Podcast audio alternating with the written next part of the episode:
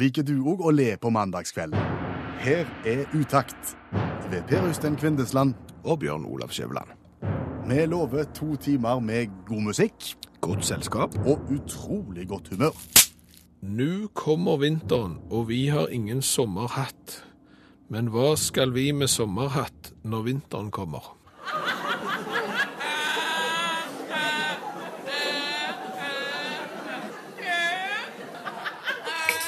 Det var familien Cord på scenen innledningsvis i programmet Utakt i kveld. Ja, Sharon, Caroline, Andrea og Jim. Cord? Ja, alle er søsken. Kan du tenke deg å være liksom den der lille, svarte, irske sauen i den saueflokken der, og så har du ingen musikalske talenter i det hele tatt? Altså, hvis, det, hvis det er en lillebror, tenker du? Jeg antar det. Jeg, jeg har ikke peiling på om det er det, men i mitt hode så har de en lillebror som overhodet ikke kan spille et eneste instrument, mens resten av søsknene selger plater i hauger og lass. Hvordan har det gått med han? Kunne det gått med han? Nei, det er klart at det var jo tungt for han, vet du. sant? Når de hadde sånn en stor suksess, disse andre søsknene hans, så han eh, gjør jo da som andre. Altså, han, han, eh, han begynte Ja, han tydde til brennevin, sant, og, og, og Og resten er bare trist? resten er bare trist, helt til, at han fant ut at han var veldig god i matematikk.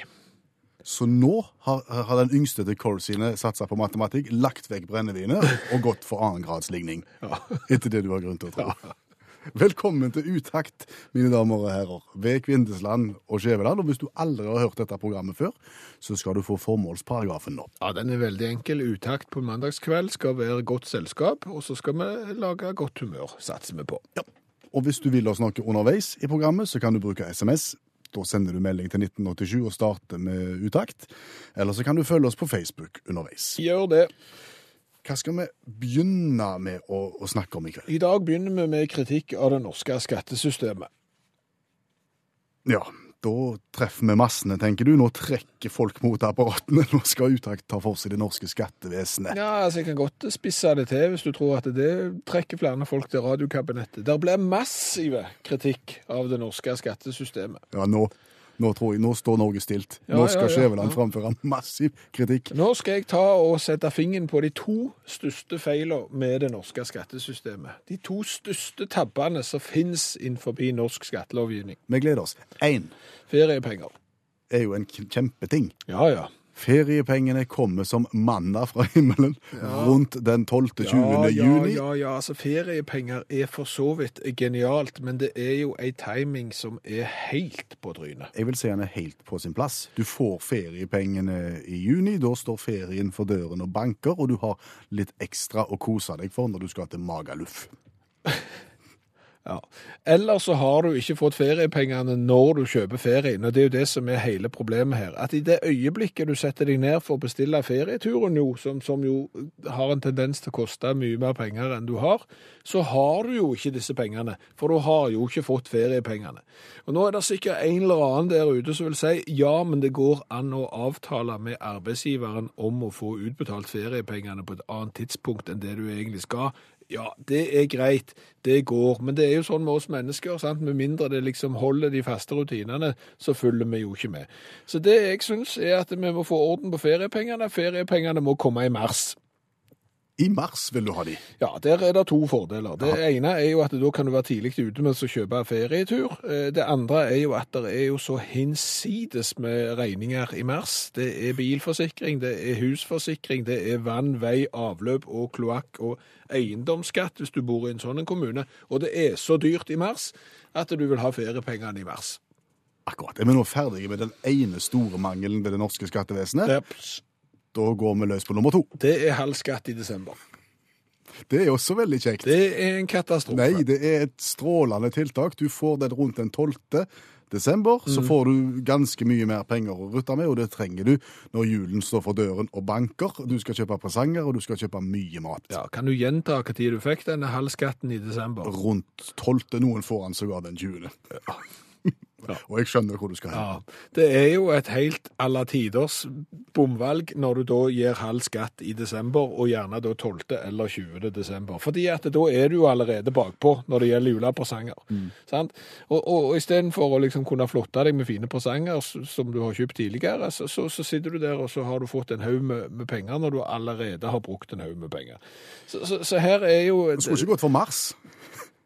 Ja, det er vel tidlig. Altså, her er jo, dette er jo veldig enkelt. Du bare sier at det kommer i november. Sant? Og Da kan du være tidlig ute. Du kan kjøpe pinnekjøtt og ribbe, og du kan kjøpe julepresanger til alle. Og du har fremdeles liksom god tid fram til jul, og så har du råd til å kjøpe de presangene òg, fordi du har halv skatt. Feriepenger i mars, Yes. halv skatt i november. Ja, Og utover det så er du godt fornøyd med det skatt, norske ganske, skatter. ganske godt fornøyd med det norske skattesystemet. Det er nok noen rike, noen milliardærer, som kunne betalt litt grann mer, men, men, men det, det er ikke så god radio.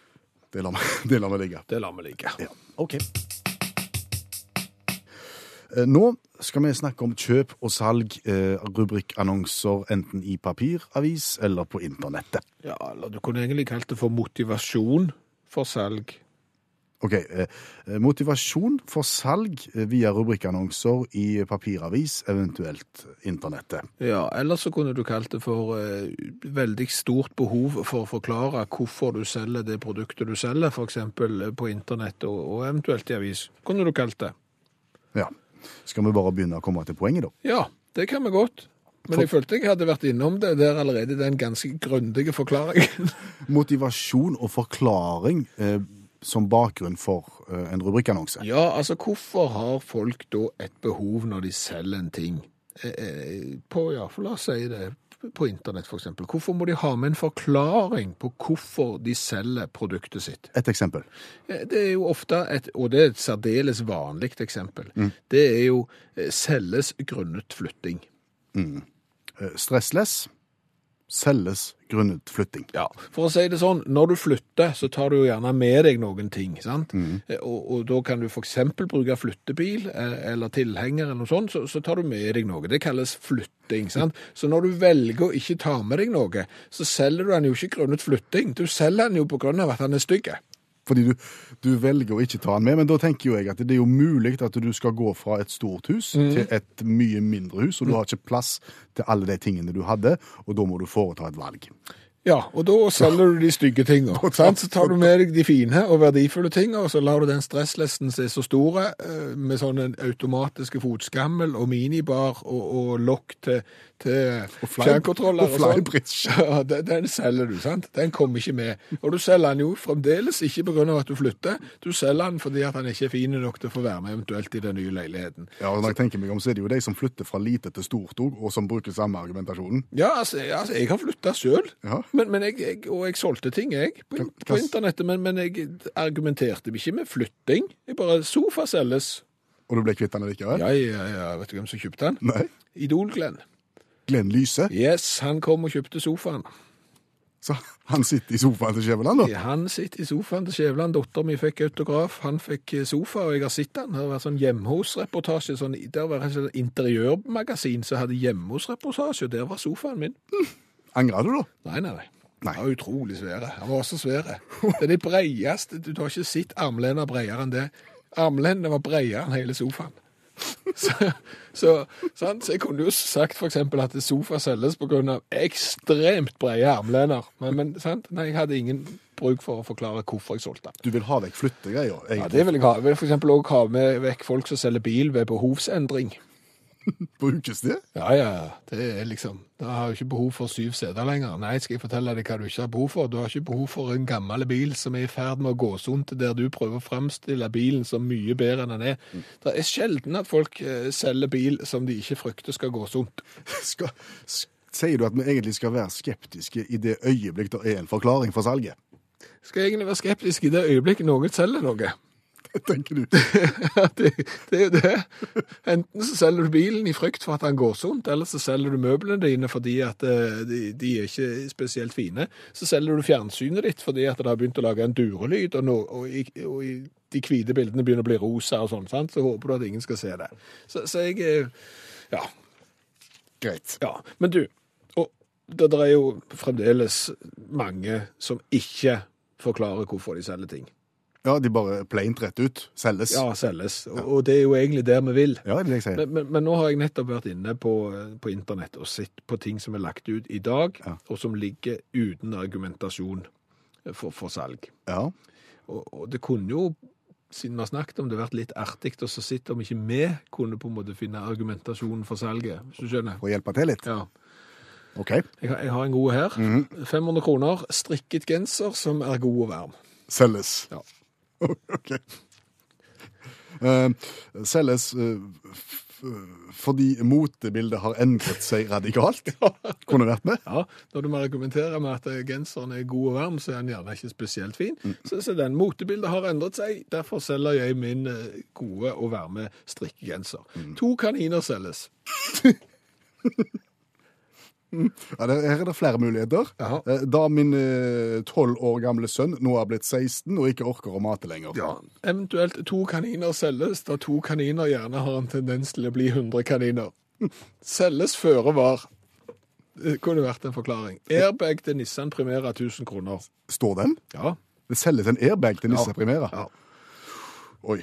Er airbagen det eneste som virker på bilen? Ja, altså, Der ser jeg for meg airbag til Nissan Primera selges da dette er den eneste komponenten som fremdeles er brukbar på denne bilen, f.eks. Kunne vært den eh, greia. Minkpels selges rimelig, helt til slutt her. Ja, 4900 kroner. Et varp. Den er, den er jo grei. Eh, Da det ikke er så veldig politisk korrekt med mink i disse dager. Ja. Det minker på mink. Det trenger ikke være verre.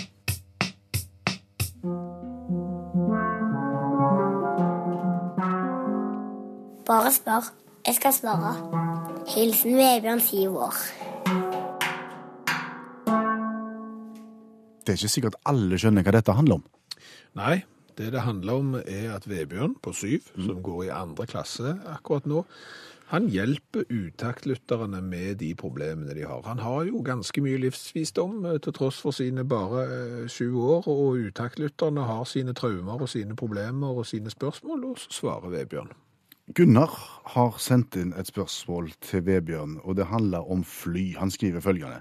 Måtte sitte i et fly og vente på ei trekkvogn som skulle dra flyet fra parkeringsplassen.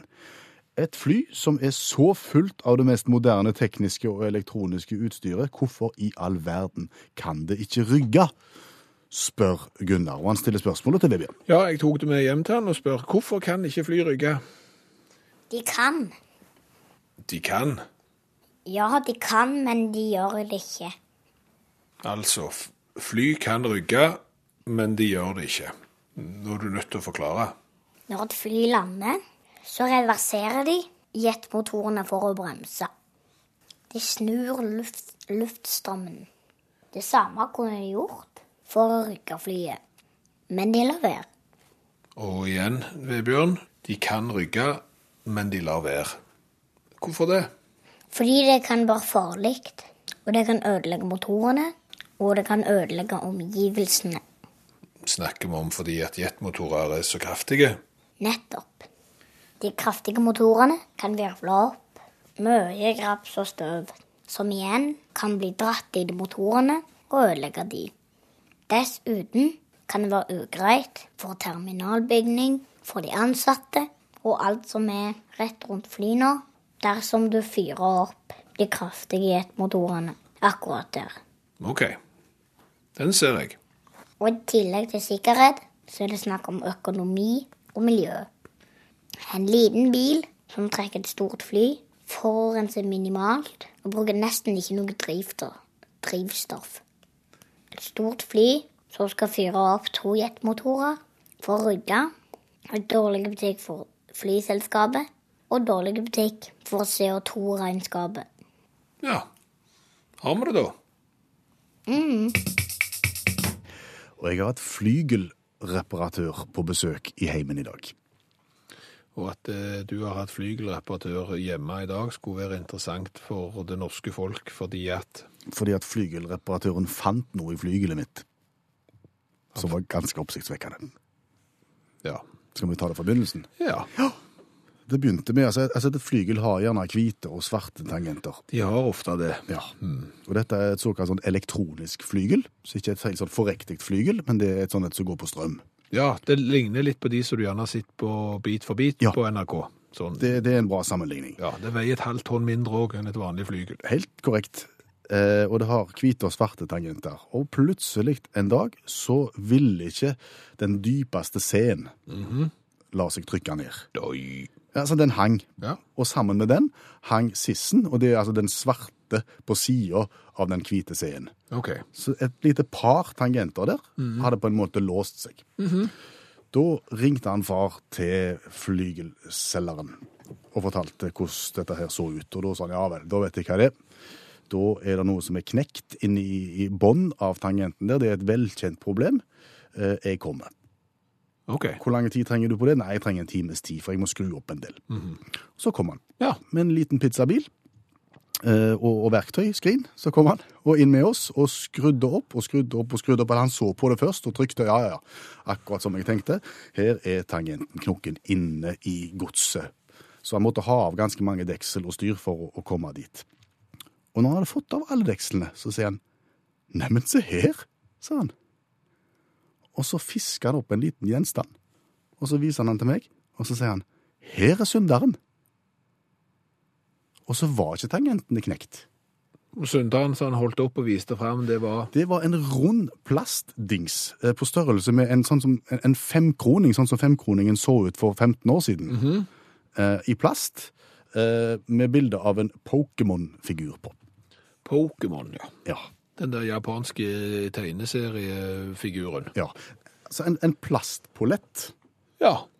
Og da tenker alle som lytter på, OK, her er det noen unger i heimen som har kylt denne plastpoletten ned mellom de to tangentene, og dermed låst eh, tastaturet på en måte. ja, du trenger ikke være flygelreparatør for å komme til den konklusjonen. Nei, det er to ting som gjør at den teorien ikke holder. For det første Ja. så sto eh, Pokémon-poletten på tvers under tangentene. Den var ikke ned i, ned i, i, i, i sprekka mellom. Å nei, han, pass, altså, han var liksom ikke som en sånn myntinnkast. Han Niks. sto. Han sto på tvers. Så det er jo på en måte fysisk umulig å klare å få den ned der på tvers. OK. For det andre, når var Pokémon populært? 95-6. Ja. Når fikk jeg flygelet mitt? Vet ikke jeg vel. Nei, langt ut på 2000-tallet. OK. Så Pokémon-dingser har aldri vært i vårt hus. Noensinne. Og særlig ikke etter at vi fikk flygel. OK. Her er flygelmysteriet. Hvordan havna Pokémon-dingsen på tvers under min basstangent? Hva merke er flygelet? Yamaha. Hvor kommer Yamaha fra? Japan. Hvor kommer Pokémon fra? Japan. Var det så vanskelig? Har japaneser eh, Jeg- jeg bare tenker at- Bygge, har, har flygelbyggeren lekt med Pokémon? Jeg tenker at Kobayashi har, har, sittet der Koba- med ja, Jeg vet ikke, jeg bare tenker at han heter Kobayashi, han som har skrudd sammen det Yama-flygelet, for eksempel. Og så, så har han hatt med seg han eh, Kasai, som, som skrur flygel når han ikke hopper på ski. Noriaki? Ja, for eksempel. Og så, og så har de sittet der, og så Japanerne er utrolig lenge på jobb, ser du. Oh, ja. De, de jobber fra tidlig til seint. Eller de er på jobb, så da har de sannsynligvis bare funnet fram. Og så har de spilt litt Pokémon, og så Og så fant de tonen, på en måte? ja, og så har de glemt seg ut, og så, og så har de mista litt Pokémon. Eller så har gjerne Kasai juksa, for eksempel. og Han gjemte vekk de beste Pokémon-brikkene, og så har han glemt at han har gjemt de under C-en og sissen i bånn. Og så skrudde de igjen og sendte det til Stavanger? Ja, men, men hva sier du til flygelreparatøren da? For han vil jo helt sikkert påstå at vet du hva, de der kommer ikke av seg selv, de der Pokémon-brikkene kommer ikke ned i flygelet av seg selv, så der må du nok, sant? Du får nok en fin regning på den, ja. Nei, eh, den regningen har jeg ikke fått ennå, så jeg er veldig spent på hva den lyder på. Ja, Vi får ta det derfra. betale med, med Pokémon-penger, da. Og i dag så har vi kunnet lese på forskjellige nettsider rundt omkring i verden at eh, Burger King i Japan i april planlegger å lansere en egen parfyme som får deg til å lukte som en nygrilla hamburger. Ja, Hvem vil ikke gå ut og rundt og lukte som Whopper cheese? Du kler deg opp for kvelden, tar på blazerjakken og en liten bæsj med, Med Whopper. med Whopper cheese. Så er vi der. Da drar, da drar du damer. Vi syns jo dette her var en eh, fascinerende tanke, og la han fram for, for Olav Hove. Olav Hove er allmennlærer med to vekttall i musikk, og han er, bidrar i programmet Utakt hver eneste mandag. Ja. Han ble ikke spesielt imponert. Nei, han gjorde ikke det. Han syntes at dette var noe vi hadde hørt om før. Det er helt korrekt. Det er gammelt nytt. For, eh, for eh, parfyme basert på mat er jo kjempegammelt. Farginé, som vi kanskje kjenner godt, eh, som lagde mye parfyme fra 1900-tallet, de lanserte jo allerede i 1920 bacon-parfymen. Den kunne du få i dråper, eller du kunne få den som roll-on. Og det er spesielt, eh, innser jeg jo da, men eh, de hadde altså, de kalte det for eh, baconparfyme, en lukt av lengsel. Det betyr kanskje at det ikke var så mye bacon på den tiden, på de harde 20-tallet. Jeg trodde, det var det glade 20-tallet. Men i alle fall så, så, så var det en lang pause innenfor matparfyme helt til fram til 2002. Da kom Pizza Hut med sin. En, en, en, en Eau Toilette. Eh, Med, smaker, med lukt av ost, deig og et hint av pepperoni. Men, men, men sånn, altså Fra 1920 Ja. så, så var det stillstand.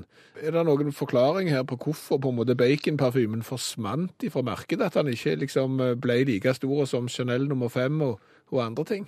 Det er vel det at du trekker til deg bikkjer som springer og har luktende armene på deg, og som kan være litt sånn sosialt selvmord i lengden. Tror det ligger der, altså. Okay. Men, men eh, etter år 2000 så har det fått et oppsving, og dette her med Burger King kommer, det er jo ikke nytt. For det kom i 2003 med burgerparfyme for det amerikanske markedet. OK. Ja, begrensa opplag og begrensa salg. Ikke noe i det hele tatt. eh, Men eh, da heiv jo Stilton seg på eh, trenden. Eh, Stilton vet jeg kanskje er en blåmuggost. Vi har prøvd blåmuggostbrus. Stilton den er jo kjent for sin gode smak, eh, og han er også kjent for sin lukt, så i blanding mellom blomsterjord og sure føtter. Eh, Og likevel så har de da laga eh, parfyme av skiten. Det er ikke spesielt lurt. Q, Q Kjenner de til dem? Lager parfyme i alle mulige former og varianter. For det billige markedet i Amerika, de har kommet med grillparfymen sin i 2005. Barbecue? Du kunne velge mellom svin, kylling og, og, og storfe, eh, men òg en veldig sånn hickory-aktig smak. da, Altså røyke. Storfeparfyme. Jeg, vet du hva? Jeg kan ikke unngå her å høre, Olav Hove, at du snakker om parfyme og hele veien spoler inn på smak. Ja, beklager. Altså, Jeg vet jo at folk har drukket Aquavelva for, fordi at det, det, var, det ga på en måte noe, men jeg begynner å lure på om du har vært og, og smakt på en del av disse parfymene sjøl. Nei, jeg, jeg, det, det er- det vanskelig å vite inn hva er det vil de fram etter her. og det, Hvis jeg skal spare noe til slutt, så er det jo Demeter som har laga mye lært opp gjennom Det vet de sikkert, men de kom jo, de kom jo i 2003 med Hummer aftershaven sin. Um, tre måneder etterpå kom de med Å, det Toilette-versjonen av hummer. Hvorfor i huleste det skal lukte hummer, det kan du lure på. Så hva er bakgrunnen for det, vet jeg ikke, men, eh, men, men mye bra er der ute. Du snakket iallfall om eh, sosialt eh, selvmord, og har du en anledning til liksom å ønske å være alene, så vil jo jeg foreslå disse her som lagde den der hummerparfymen, at de f.eks. gikk på rekeskallparfyme etter to dager i båset inne. Det hadde vel gjerne vært noe. Hummer med, med et hint av kanari. Og Vi snakket jo nettopp om eh, parfyme, og, og mens Tønnes spilte, så kom jo i snakk om at du har jo en del parfymeerfaring fra kooperativen, der du gikk rundt i egen lagerfrakk med kartongkniv og, og styrte lageret på kooperativen. Ja, jeg hadde en, som du sier, jeg hadde en egen lagerfrakk. Min var litt annerledes enn de andre som jobba på kooperativen på den tida. Ja, du hadde ikke den fast ansatte Nei. fargen, du hadde på en måte vikarfargen. Ja, og litt, litt lang, for jeg var ikke så høy. Ok, men, men, men hvor kommer parfymen inn i dette kooperative Det, det var en lørdag formiddag. Jeg, jeg husker det godt. Eh, Lageret lå i andre etasje av kooperativet. Alltid lurt å ha lager i annen etasje. Da kan du bære alt opp, og så kan du bære alt ned igjen. Heisen får kjørt seg. Eh, ja, eh, og jeg hadde fått hørt at det var kommet en lastebil, eller en trailer, med, med varer. Og da blir det da jekka inn store paller inn på lageret. Og da skulle jeg opp og ta imot, og da skal du liksom kvittere ut og se at ting har kommet. Ok. Eh, jeg visste ikke hva som kom, så jeg kom, tok heisen opp, og idet heisdøra går opp, så slår det imot meg. Akvavelva. Lukta av akvavelva. Ja, det er litt sånn billig uh, aftershave. Ja, blå flaske, blått innhold. Eh, lukter så du mener det. Ja. Eh, Det lukta kraftig akvavelva i i lageret til kooperativen, så tenkte jeg nei og nei og nei. Her har en vært uvøren med pallen. Her har han dunka borti og knust akvavelva. Ja, så du så for deg en liten uh, akvavelva-lekkasje som liksom utover gulvet, Ja. søl og glasskår og mirakels. Og, og som gjerne jeg da ville få skylda for, ikke Ja. sant? I og med at jeg hadde litt for store lagerfrakk som var annerledes enn de andre, og var, var den yngste på en måte. Ja. Så jeg tenker, hva gjør jeg nå? Jeg må finne hvor, hvor er lekkasjen. Ja. Så jeg begynner å lete. Ja. Jeg finner ingenting. Nei. Bruker jo kartongkniven til å snitte litt i pappen for å på en måte se om om det ser greit ut, og det ser greit ut. Ingenting som leker. Det er ikke tegn til akvarelva. Men det er litt sånn tampen brenner. Jeg kjenner det blir sterkere og sterkere og sterkere. Og bak pallen, der finner jeg kilden. Der finner du kilden Der til finner jeg Der oser det akvarelva. Der ligger en av byens løse fugler og hviler. Ja. Så han har fått i seg for mye akvavelva? Han har drukket såpass mye akvarelva at han klarte å lukte ut hele lageret. Men pallen var uskadd. Det er godt. En forutsetning for å få være med i uttakskonkurranse, det er å svare rett på inngangsspørsmålet. Og hva har Jan svart? Ja, Han har svart at han heter Jan Rosenvinge, og vi har ingen grunn til å tvile på at det svaret er feil. Nei. Eh, Så vi går ut ifra, Jan, eh, at både det og adressen og Nøtterøy stemmer. God kveld. Det stemmer. God kveld, det stemmer på en prikk. Ja, helt flott. Da er du kvalifisert. Det er bra. Kjenner du konseptet? Ja, jeg har hørt på det noen ganger før i bilen på vei fra Oslo og hjem til Nøtterøy, så det har jeg hatt glede av å høre på. OK. Eh, For nye lyttere så går vi kjapt gjennom reglementet for uttakskonkurranse. Ja, ei spørrebok fra 1975, mynta på barn. Jan velger et tilfeldig sidetall og et tilfeldig spørsmål, og svarer han rett, så får han litt gladjodling. Og svarer han feil, så må vi nok ty til tristjodling. Men uansett så skal vi sende ei eh, T-skjorte med V-hals og en alle tiders utakt-logo på brystkassen til Nøtterøy. Er du klar, Jan? Så flott. Ja, veldig klar. 1975, eh, har du noe forhold til det? Var du, var du til? Da var jeg til, da var jeg 16 år, og vi hadde en klubb, noen venner av meg som het Skogsklubben, og da hadde vi en nettopp en sånn spørrebok. Så vi drev og moret oss med den. Og da syntes vi det var så gøy, nemlig å og for eksempel hvis vi fikk spørsmål hva er hovedstaden i Paris, i Frankrike, så svarte vi 17. Vi liksom satte feil svar til spørsmålet, og det var veldig morsomt, synes jeg. ja. Ok. Mulig vi skal prøve det i dag. Nei, jeg tror ikke det. Hva, hva sidetall vil du ha i Petter Nødts eh, spørrebok for barn? 12. Side 12. Da har vi akkurat passert innholdsfortegnelsen, og da er vi på den velkjente kategorien musikk og sang, og der er det 25 spørsmål å velge i. Ok, da tar jeg nummer 13. Nummer 13. 17. Eh, 13. Ja, jeg måtte bare prøve. En gresk storsanger med en høy, egenartet stemme holdt nylig konsert i Njordhallen i Oslo. Kjenner du navnet hans? Nylig, det var i 1975 det da. Ja. ja. Oi. Uff. Gresk med en lys stemme. ja. Ehm, nei, dette var der må jeg kanskje melde pass, altså. Er det mulig å gi noen ledetråd her? Ja, jeg kan gi mange. Altså, han var jo blant annet vokalist i, uh, i prog-bandet Afrodite, tror jeg. Først, nei, det hjalp ikke. Han var med nok mest kjent for å gå i hvite gevanter og stå på en klippe og synge lyst i nærmere poncho-lignende klesdrakt. Jeg har sett han. Ja. Jeg jeg tipper når jeg hører navnet, så kan jeg tenke, å ja, selvfølgelig det var han. Skal, skal vi ta litt tristjodling? Ja, Ja. Jeg tror nok det, altså. OK. vi tar litt tristjodling fordi at svaret kom aldri, og dessuten så falt eh, nemlig artisten fra nylig. Demi Rousseau. Ja. Akkurat. Demir Rousseau var svaret. Ja, og vi i Stavanger vi liker jo så å si at han Jeg har hadde jo det på tunga, men det hjalp kanskje ikke. Nei, og vi i Stavanger vi liker jo å si at han har stjålet en sang fra Hans Petter Hansen. Jeg kommer snart igjen, du hører snart fra meg, sang han på sitt språk. Okay. Yes! Han var nylig her, han var her i 75. Spørsmål to, Jan. Ja, Da tar vi et nytt nytt skal jeg finne sidetall først? Ja. Uh, side 7. Side 7, da er vi på innholdsfortegnelsen. Ja vel. Så Skal jeg ta litt... eh, åtte kan du ta. da? Mm. Jeg kan ta eh, 14. 14 er fint. Da blar vi opp på om og omkring kunst og kunstnere. 14 spørsmål. Eh, 9. Nummer ni. Hvilken Nei, det var den, ja. Hvilken norsk operasangerinne spilte den kvinnelige hovedrollen i Den glade enke i Stockholm i 1974? Dette var ikke lett. Ja. Du verden. Norsk operasangerinne, Den glade enke 1974. Ja. Um, ja um, Hva med Heter hun Toril til fornavn? Nei, det gjorde hun kanskje Nei. ikke. Nei. Eh, Har vi noen ledetråd her? Ja, det har vi. Hun heter Ranveig til fornavn, og så har hun samme etternavn som ei som er ganske god til å gå skiskyting, og som har broren sin som trener. Eckhoff. Ranveig Eckhoff, ja. Alltid mye kjekkere med gladjodling. Mye kjekkere det. Ja, det er det. Ja. Har du noe sånn favorittema hvis du liksom er på quiz? Altså, jeg driver og spiller, da. Jeg er kantor, så litt sånn klassisk musikk og litt andre ting òg, for så vidt. Salmer, kanskje. Litt salmer. Uh, Nei, skal vi se. Det er ikke bare salmer jeg driver med. Da vil jeg anbefale side 10.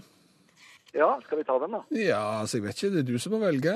Det blir veldig flaut da, hvis jeg bommer der. Ja, Nei, Nei, det er musikk og sang.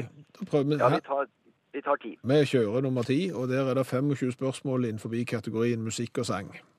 tar vi nummer én. Tar vi nummer 1. Kjenner du navnet på tre norske professorer i musikk 1974? Hva sa du? Tre norske professorer? Ja, i, i musikk i 1974. Øyvind Benestad. Nei, jeg mener um, um, ikke å, Hva het han, da? Finn Benestad, kanskje? Ja, altså, Nei. Eh, professor, kanskje Robert Levin? Var han professor? han er, han er inne. Robert Levin, det er én rett. OK. Um, hva med um, ja, Kjell Bekkelund var vel ikke professor? Um, Åh, det burde jeg visst, da. Ja, du burde ikke det. Jo, jeg burde det, syns jeg. Okay, Jeg har studert musikk. Ja, ja. Okay, vi har, Robert Levin. Uh, OK. Robert. Jens Harald Bratteli. Nei, det var det vel ikke. Robert uh, Rifling. ja. Og så hadde du Finn, men, men, men du må ha en Benestad. Finn Mor Nei. Mortensen. Finn Mortensen, ja. Ja. Han sier det. Ja. Men sånn, kjenner du navnet på tre? sant? Det kunne jo vært flere. Ja. Ja. vil du ha trist eller glad- gladjodling? Jeg, jeg er fornøyd med, med det lille jeg fikk. Jeg, så. Flott. Det var er gøy. bra. Men ikke verre. Nei da. Er du på vei hjem fra jobb nå, Jan, eller? Jeg er på vei hjem, ikke fra jobb, men jeg driver og, sammen med kona mi og pusser opp en leilighet vi har i Oslo. Så det er mye male gulvlister og taklister og Å, du med flikking og sparkling og Å, det jeg er litt lei av nå. Ja, det var det jeg skulle spørre om. Er du ferdig med sparklingen? Men det er du altså ikke. Det er mer sparkling. Det er kanskje litt sparkling av noen spikerhull, ja. Men Ja. det tar kona seg av, og så tar jeg og maler oppå. Det skal du være veldig glad for.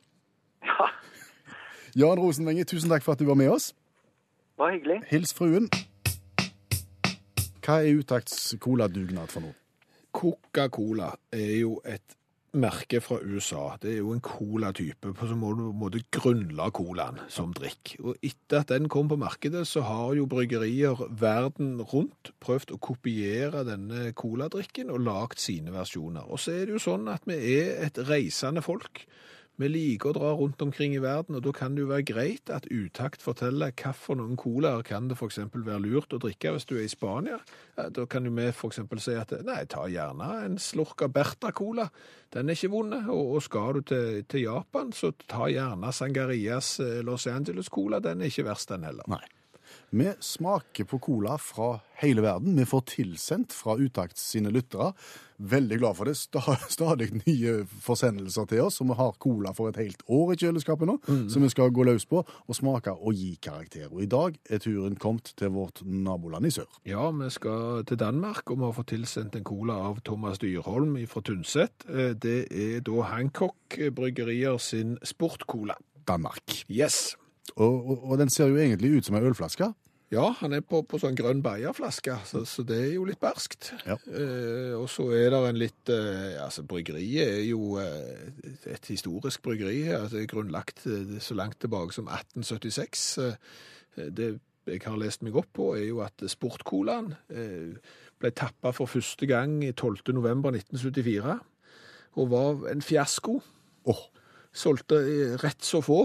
Rett så få. Ja, og, og på et tidspunkt så var det tale om å fjerne hele sportscolaen fra sortimentet. Heldigvis så skjedde det ikke. Jeg har ikke snakket dansk. Nei, og Sportcola er nå en av de største sodavann-suksessene til Hancock bryggeri. Det er et spennende utgangspunkt for vår smaking. Yes. Det vi gjør, vi smaker på brusen, og så gir vi poeng fra 1 til 10 for smak, og så gir vi poeng fra 1 til 10 for det vi kaller kulhetsfaktor, eh, utseende, eh, tanken på om du vil bli sett med for eksempel en Hancock Sportcola i hånda. Da åpner vi den grønne glassflaska sånn, og så tar vi en liten Den var, lyse, den var veldig lysebrun. Ja, den ser nesten ut som den er utvannet. Du kan se igjennom, faktisk, gjennom glasset. Ja, det så ut som en sånn en eh, Ja, det så nesten ut som når du liksom blander all slags oppi. Altså når ungene skal blande cola og Solo og alt det andre i bursdagsselskap. Sånn ligner det. Da smaker vi på Hancocks Sportscola.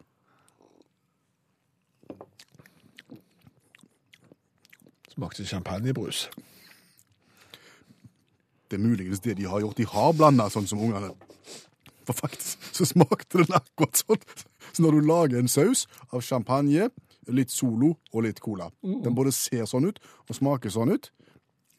Han smakte overhodet ikke cola i det hele tatt. Nei, faktisk et lite hint av tutti frutti. Ja, det, det er Altså, for å si det sånn, han var god. Ikke som cola. Nei. Kall han Villa Farris, og den hadde fått et ganske bra skår. Ja. Som cola, katastrofe, terningkast én fra meg. Nei, Jeg setter null, jeg. Oi. Du kan ikke si at noe er cola når det ikke er cola. Jeg pleier jo stort sett å være tilgivende for alt som har kullsyre i seg, men her må jeg bare, her må jeg være krass altså, med, med Hancock-bryggeriene og så si at du kan ikke kalle noe for cola som smaker champagnebrus. Ett poeng fra meg, null fra deg. Eh, Er det noe å gå på på kulhetsfaktor? Oh, ja, ja, her er det mye. Det, det, det, det er tøft. Altså For det første, en sånn grønn flaske så det ligner litt på øl. Eh, Det er jo litt tøft.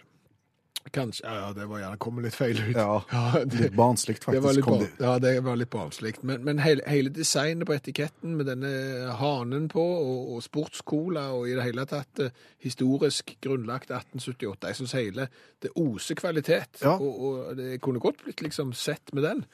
Så når den ikke smakte cola, Ja, men den var kul, så jeg, jeg sier syv. Ja, jeg, jeg, jeg, jeg tror jeg faktisk er enig med deg. Ja. Terningkast syv for design og utseende, for den er virkelig tøff. En må bare ikke tenke på smaken. Nei, altså hadde det eksempel vært bare sportsbrus, Ja. så hadde det vært helt der oppe. Det er 15 poeng, og går da inn eh, på like mange poeng som eh, Kick-colaen fra Sri Lanka. Utakts coladugnad fortsetter neste mandag, og hvis du er ute i verden eller rundt omkring i Norge hvor som helst, og finner en colavariant du aldri har sett før, og som du tenker den skulle de ha testa, den skulle de ha smakt på, så ta kontakt med oss. Så skal vi gjøre det. Skal du ha en eh, tår med champagnebrus som kalles for sportskole? Ellers takk.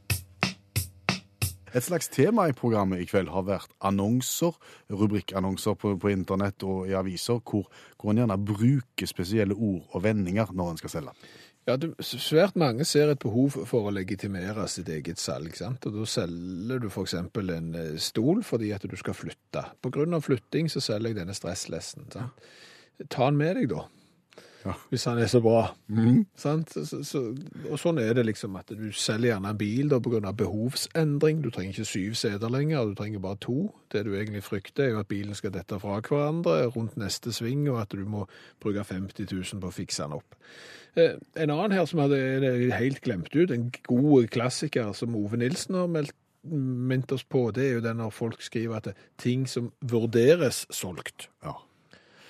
Det må jo være mulig å bestemme seg for om en skal selge eller ikke, før en setter inn annonser. Jeg vil jo si at i det øyeblikket du setter inn en annonse, så har du bestemt deg. Det der vurderes solgt, det er jo bare et begrep som for meg sier at han skal ikke kjøpe av, fordi han forventer så utrolig mye mer enn det produktet er verdt. Så det vurderes bare solgt om folk liksom betaler dobbelt av pålydene. Ja, ok. Fått en annen her fra Margrethe. Den, den går ikke helt inn i, i ord og uttrykk, men den er såpass god allikevel at vi tar den med. Eh, Overskrift 'Tilbyr pass av marsvin'. Hvis eier selv blir hindret i å stelle det, eh, stiller da vedkommende opp, koster kun kroner 200 per gang, uavhengig av hvor lenge. Telefon sånn og sånn. Marsvinpasser. Marsvinpasser, et rasende godt tilbud, 200 kroner. Tror du kunne passe to marsvin for 350? Ja, jeg lurer på det. Kvantumsrabatt. Skal jeg ta en siste melding her? Ja. Det kommer fra Erlend. Hva sier? Eh, Dette handler om brus, som vi nettopp har testa. I USA så er det blitt populært å kjøpe meksikansk cola.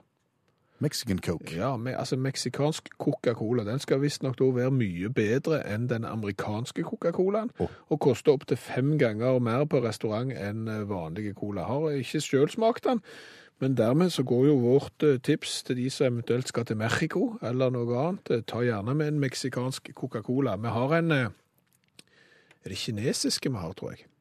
Ja, det har vi òg. Ja, jeg tror vi har en kinesisk Coca-Cola. Den skal vi teste. Utakt leser høyt fra boka 'Norges morsomste vitser'. De beste vitsene fra NM i humor. Hell i uhell. En gammel dame ble påkjørt av en syklist. Nå hadde de tur, sa syklisten. I all verden, sa damen sint. Kaller de det for tur å bli påkjørt av en syklist? Ja, sa syklisten. Det er nemlig fridagen min i dag. Vanligvis kjører jeg lastebil.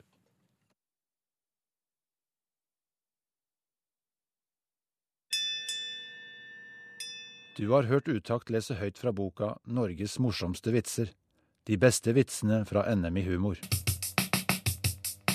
Mark Ronson og Bruno Mars sammen om Uptown Funk. Om jeg har fortalt deg at jeg har nesten hilst på, på Bruno Mars? Du har ikke nesten hilst på Bruno Mars.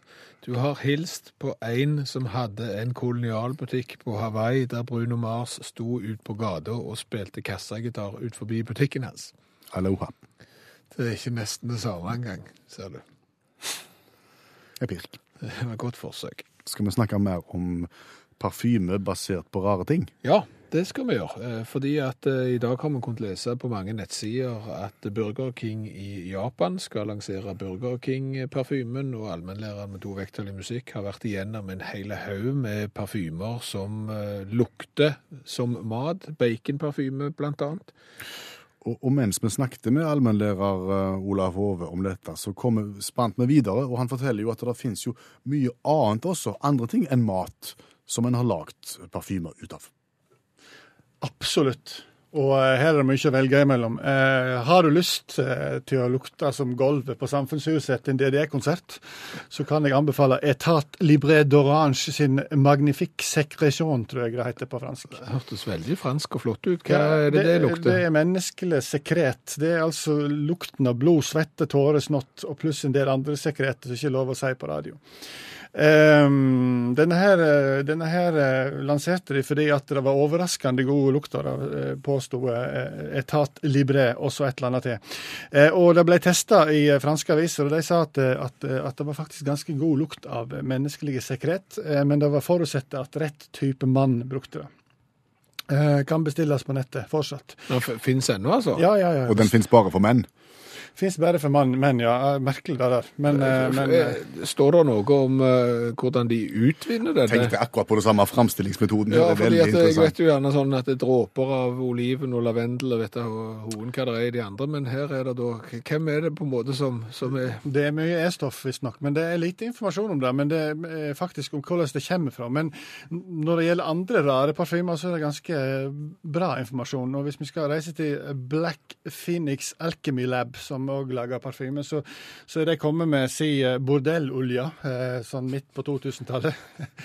og, og bordellolje er interessant. Det òg kommer i rollen, da, denne bordellolja. Eh, og, og her her skriver jo Black Phoenix Alchemy Lab at hvis du bruker bordellolje, så vekker du bildet av fløyelstrekte gledeshus, stramme korsett, lodne slåbroker og kokette hjørner av nytelse. Jeg mener det er jo helt fantastisk. Det, Følger det med gullkjede? det, er jo, det er jo bling, hele greia. og Jeg går ut ifra at det er glansfullt og, og bra. Så, så Jeg har lyst på den, altså. Og den går an å bestille på, på, eh, på nett. Altså, Den syns jeg du skal bestille, Håvard. Så syns jeg du skal ta på deg den når du skal undervise f.eks. i, i eh, KRLE eller noe sånt. Så tar du på deg bordellolja.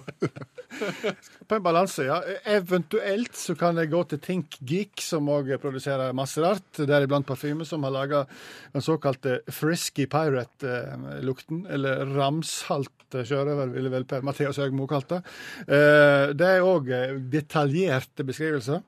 Det er altså en lukt av våte sedler, det er jo ikke uvanlig. Lotusblomst, litt overraskende. Mint, enda mer overraskende. Vanilje, svært overraskende. Rom, absolutt ikke overraskende. Og alt sammen duppa i en blanding av lær, røyk og krutt. Hvordan du dupper ting i lær, det vet jeg ikke, men anbefaler ting Geek Frisky Pirate, for da kan du føle deg litt mandig. Roll-on, eller? Og det er toalett, det òg. Vi må få si takk igjen til deg, eh, allmennlærer med to vekttall i musikk, Olav Hove. Nå kan du få gå og forberede time. Og Carl Christian har vært inne på Facebook-sida til Utakt og delt bilde av mange av disse parfymene som allmennlærer Olav Hove har snakket om. Pizza Hut sin eh, parfyme, du har jo sushi-parfymen, pizza-parfymen, den eh, selleriparfymen er jo sjelden, og så har du den som da lukter tegnestift. Altså sånn som du tegner med, altså sånn, eh, Fargeblyant. ja, sånn karandasj nesten, sånn som du har på, på Steinerskolen. Så kan du lukte Steinerskolen uten å gå på Steinerskolen, og bare ta den parfymen der. Hør flere podkaster på nrk.no podkast.